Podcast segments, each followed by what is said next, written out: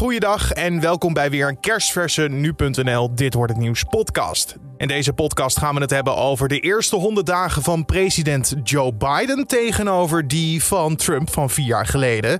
En aandacht voor Feyenoord, want de club lijkt een stap te zetten richting een nieuwe Kuip. Maar hoe staat het er nu mee? Dat allemaal straks, maar eerst kijken we kort naar het belangrijkste nieuws van nu. Mijn naam is Carne van Brink en het is vandaag vrijdag 30 april. Het demissionair kabinet moest in een 15 uur durend debat veel uitleggen over de vrijgegeven ministerraadnotulen, waarin werd gesproken over kritische Kamerleden en het niet delen van informatie over de toeslagenaffaire.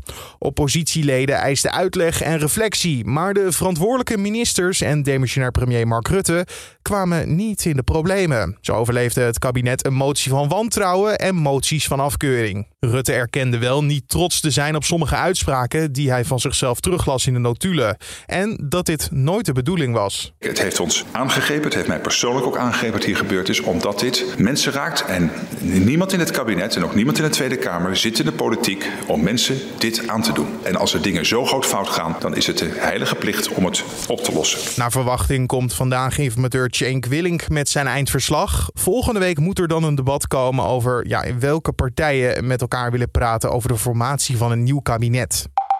Nog niet alle toeslagenouders krijgen voor 1 mei een compensatie. Maar 11.000 gedupeerden krijgen op tijd de compensatie van 30.000 euro. Dat heeft staatssecretaris Van Huffelen gezegd in het debat met de Tweede Kamer. Dat is minder dan de helft van de ouders die zich hebben gemeld voor de compensatie. Het zou om mensen gaan die bijvoorbeeld geen kinderen blijken te hebben of die meer verdienen dan verwacht. De Tweede Kamer eist dat het kabinet nu alles op alles zet om de gedupeerden van het toeslagenschandaal te helpen. Vanmiddag komt de staatssecretaris met informatie over de compensatieregeling. Economen en brouwers verwachten dat dit jaar 10 tot 15 procent van de horecazaken failliet zal gaan. Het zal echter niet zover komen dat de meerderheid van de zaken omvalt, zoals hier en daar wordt gevreesd. Wanneer we weer volledig naar de kroeg mogen, zullen veel zaken het geld weer zien binnenlopen. Als dan ook nog eens de steunmaatregelen verlengd worden en er een regeling komt om schulden te herschrikken, kunnen er nog meer zaken gered worden. Dat zeggen economen. De grootste risico's liggen wel bij de nachthoreca en zaken zonder terras, omdat zij niet kunnen profiteren van de huidige versoepelingen. Er zijn tientallen doden gevallen bij een religieus feest in Israël. Op een orthodox Joods festival kwamen veel te veel mensen af. En op een gegeven moment brak er paniek uit nadat een tribune zou zijn ingestort. Toen iedereen weg probeerde te komen via een nauwe gang, werden er zeker 44 mensen verdrukt en vertrapt. Zeker 150 mensen raakten gewond. Tientallen van hen vechten in het ziekenhuis nog voor hun leven. En premier Netanyahu spreekt van een grote ramp. En dan vertel ik je wat het nieuws van vandaag wordt. Nou, 20 januari werd Joe Biden president van de Verenigde Staten. Vandaag op 30 april is hij 100 dagen president. Een moment wat vaak wordt gebruikt voor een eerste tussenstand. Hoe gaat het eigenlijk met het presidentschap van Biden? Nou, wij kijken er ook naar met Amerika-deskundige Diederik Brink. En dan vooral in vergelijking met de eerste 100 dagen van Trump. Wat ziet Brink als het grootste verschil tussen die twee? 1. Joe Biden heeft heel erg geleerd van de fouten van zijn voorgangers. Goed gekeken naar wat is hen niet gelukt, waar zijn ze tegenaan gelopen en heeft geprobeerd dat te voorkomen. Met name heeft hij geleerd van de fouten die bijvoorbeeld in Obama's eerste periode zijn gemaakt, waardoor hij te lang is blijven onderhandelen met republikeinen en daardoor minder sterke resultaten heeft uh, uitgeleverd. Hij, hij maakte dus niet zoveel uit uh, hoe een wet of een voorstel tot stand komt als er maar, uh, als maar resultaten zijn. Je kunt het zo zien, uh, net als uh, dat je bij een restaurant komt, je hoeft niet in de keuken te kijken over hoe de maaltijd wordt gemaakt, zodra zolang er maar een goed bord eten op tafel komt. En dat is waar Joe Biden heel goed heeft begrepen. Amerikanen zijn niet bezig met hoe het eten gemaakt wordt, maar willen wel een bord eten op tafel hebben. En dat is hoe Joe Biden ook wetgeving benadert. Maar ik sluit of iedereen meetekent ik zorg dat er resultaten komen. Het tweede is qua toon. Hij is ingetogen, kalm, twittert eigenlijk de meest saaie, obligate opmerkingen. En daarmee laat hij aan iedereen zien, of ze nou vol enthousiasme op hem hebben gestemd, of als een anti-Trump stem, dat hij daarmee precies laat zien: dit is waarom jullie op mij hebben gestemd. Jullie wilden hem niet, ik pak het veel rustiger aan. Ik ben een andere soort president. En door zijn kalmte en zijn ingetogenheid laat hij dat iedere dag weer zien. Tegelijkertijd speelt ook de verdeeldheid in het land nog een belangrijke rol. De verdeeldheid is nog steeds heel erg diep. Dat was zichtbaar op 6 januari met de bestorming van het uh, Capitool. En die politieke wonden die zijn eigenlijk nog heel erg vers. Uh, het blijkt toch lastig voor Republikeinen om Biden aan te vallen. Um, en dat heeft twee redenen. Eén, hij uh, komt gematigder over dan veel van zijn linkse voorstellen doen voorkomen. Waar Obama last had dat hij hele gematigde voorstellen had, zelfs een aantal voorstellen, plannen heeft overgenomen van de Republikeinen, maar werd afgeschilderd als een hele linkse president, heeft juist Biden hele linkse opvattingen. Maar is hij in de beeldvorming een gematigde presidentie die zich in het politieke centrum bevindt. En dat is een voordeel, want daarmee krijgt hij heel veel mensen achter zich, ook omdat zijn voorstellen heel erg populair zijn. En het tweede is waar we dat heel erg in terugzien, is dat de Republikeinen nu zelfs um, dingen aan het verzinnen zijn dat zie je ook op Fox News. Dat zie je bij Republikeinen die daarop reageren. Met uh, dingen die Biden zou hebben gedaan, uh, maar helemaal niet kloppen. En dat is het beste bewijs dat er op dit moment keihard gewerkt wordt door Team Biden en eigenlijk weinig fouten worden gemaakt. En dan de media. Die speelden een hoofdrol bij Trump. Maar hoe zit dat eigenlijk nu bij Biden? Zijn er relletjes terug te vinden op internet, radio en tv? Voorlopig niet. En dat heeft ermee te maken dat zijn team eigenlijk 100% gefocust is op een hele grote actie om voornamelijk coronacrisis onder uh, de ronde te krijgen. En dat betekent dat er, er wordt met, met echt enorme toewijding door dat team keihard gewerkt. Ik kan me niet voorstellen dat ze dit hoge niveau en, en, en deze mate van toewijding en uh, fouteloosheid kunnen volhouden. Er gaat vanzelf in een hele grote regering wel een keer wat mis.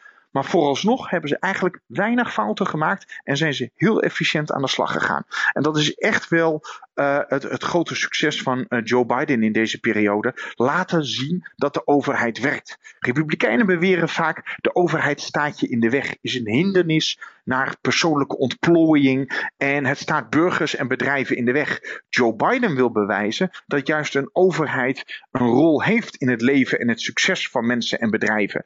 En dat kan alleen, kun je alleen bewijzen als het een competente overheid is die ook kan laten zien dat het dingen voor elkaar krijgt. En daar wordt nu hard aan gewerkt. Amerika-deskundige Diederik Brink was dat over de eerste honderd dagen van Joe Biden als president van de Verenigde Staten.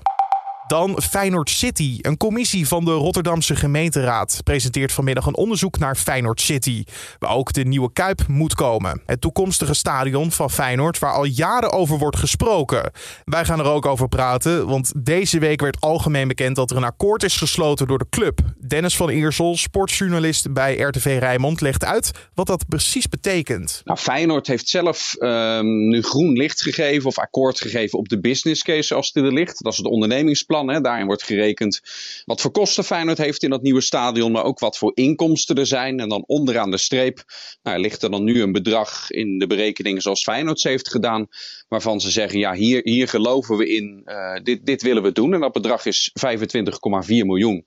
Wat Feyenoord er dan, als het allemaal mee zit en loopt zoals ze hopen, uh, eraan overhouden. Desondanks is er nog wel wat onzekerheid, vertelt Van Eersel. Dit betekent namelijk nog niet dat Feyenoord nu akkoord is met het ondernemingsplan, met de business case. Betekent nog niet dat het stadion er ook daadwerkelijk komt. Uh, want er is ook nog geld nodig uh, om het stadion überhaupt te kunnen bouwen. En er moet nog een akkoord gesloten worden met een bouwbedrijf. voor het bedrag zoals dat in die business case allemaal begroot is. Dus dit wil nog niet zeggen dat het stadion er komt. Want inderdaad, wat je zegt die financiering is nog niet rond. Um, Feyenoord is wel met veel partijen in gesprek. Ze zeggen dat ze voor 85% de boel rond hebben.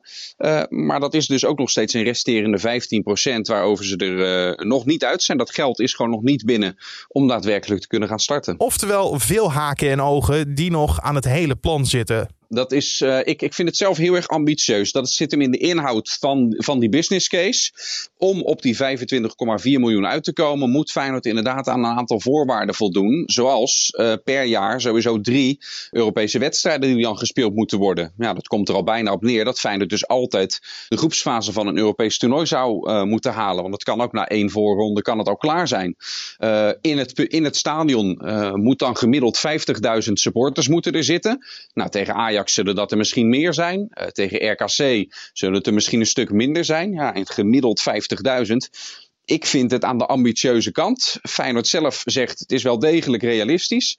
Ja, we gaan het uh, misschien in de praktijk uiteindelijk merken wie van de twee er dan gelijk heeft. En of het realistisch is dat het uiteindelijk allemaal gaat lukken. Eerst zien, dan geloven. Ja, we hebben heel veel plannen gezien natuurlijk. Hè. Kijk, wat wel, wel echt anders is aan Feyenoord City... is dat het nu daadwerkelijk met de gemeente ook opgetrokken wordt... dat het om meer dan alleen een stadion gaat. Een hele gebiedsontwikkeling in Rotterdam-Zuid... met woningen erbij, met een impuls aan, aan heel die wijk. Dus er is iets, iets meer over nagedacht dan met sommige eerdere plannen het geval was. Ja, hoe realistisch is het of het er daadwerkelijk komt? Uh, met name met betrekking tot de bouwkosten heb ik toch nog echt wel mijn twijfels. Um, als je je oor te luisteren legt in de bouwwereld, hoor je dat de staalprijzen momenteel heel erg aan het stijgen zijn. Ja, Feyenoord wilde bol laten bouwen voor 365 miljoen. Maar of dat met die huidige koers van die prijzen kan, ja, dat is iets ook binnen Feyenoord hoor. Waarover echt wel vraagtekens en twijfels zijn of dat gaat lukken. En als dat niet het geval is, is het niet realistisch dat het er komt. En als ze wel tot een akkoord komen, eventueel richting het eind van dit jaar, ja, dan zal uiteindelijk uh, zal dit stadionplan er dan wel degelijk in de praktijk komen. Dat was Dennis van Eersel, sportjournalist bij RTV Rijnmond. En dan werpen we even een blik op het weer van vandaag. Wat gaat het worden? Je hoort het van Raymond Klaassen van Weerplaza. Er is veel bewolking boven Nederland, maar vanuit het westen breekt de bewolking en komt ook de zon af en toe tevoorschijn. In de ochtend kan met name in het oosten en noordoosten nog een klein buitje vallen. Vanmiddag kan er landinwaarts overal een enkele bui vallen. Er waait een matige noordwestenwind en de temperatuur ligt in de middag tussen de 11 en de 12 graden. In de avond klaart het breed op en komende nacht is het vrij koud. In het binnenland daalt de temperatuur tot nabij het vriespunt. Dankjewel Raymond Klaassen van Weerplaza. En om af te sluiten nog even dit. Drie mannen die de twee Franse bulldogs van Lady Gaga hadden gestolen en hierbij ook haar hondenuitlater neerschoten, zijn gisteren door de politie gearresteerd. Ze worden verdacht van poging tot moord en diefstal. Ook zijn twee mensen opgepakt voor medeplichtigheid. Gaga's honden werden in februari door de mannen meegenomen. Enkele dagen later werden de bulldogs gezond afgeleverd door een vrouw bij het politiebureau. Ze zouden zijn teruggebracht omdat ze het geld van de beloning zo konden ontvangen. De zangeres beloofde namelijk een bedrag van 500.000 dollar voor die ene gouden tip. Maar het is de politie dus nu gelukt om de daders op te pakken. Hoe precies is nog niet duidelijk. En met dit staaltje speurwerk sluiten we de podcast af voor deze vrijdag 30 april. Ook gelijk het einde van de maand. En daarom zijn we vanmiddag terug. Niet met de middageditie van deze podcast, maar met de maand van nu. De podcast waarin hoofdredacteur van nu.nl Gertja Poekman je beetje door de maand van nu.nl loopt. Wat is ons meeste bijgebleven van deze maand en hoe hebben wij daar verslag van gedaan? Je hoort het allemaal vanmiddag in de Maand van Nu podcast. Mijn naam is Carne van der Brink. Bedankt voor het luisteren en maak er een heel mooi weekend van.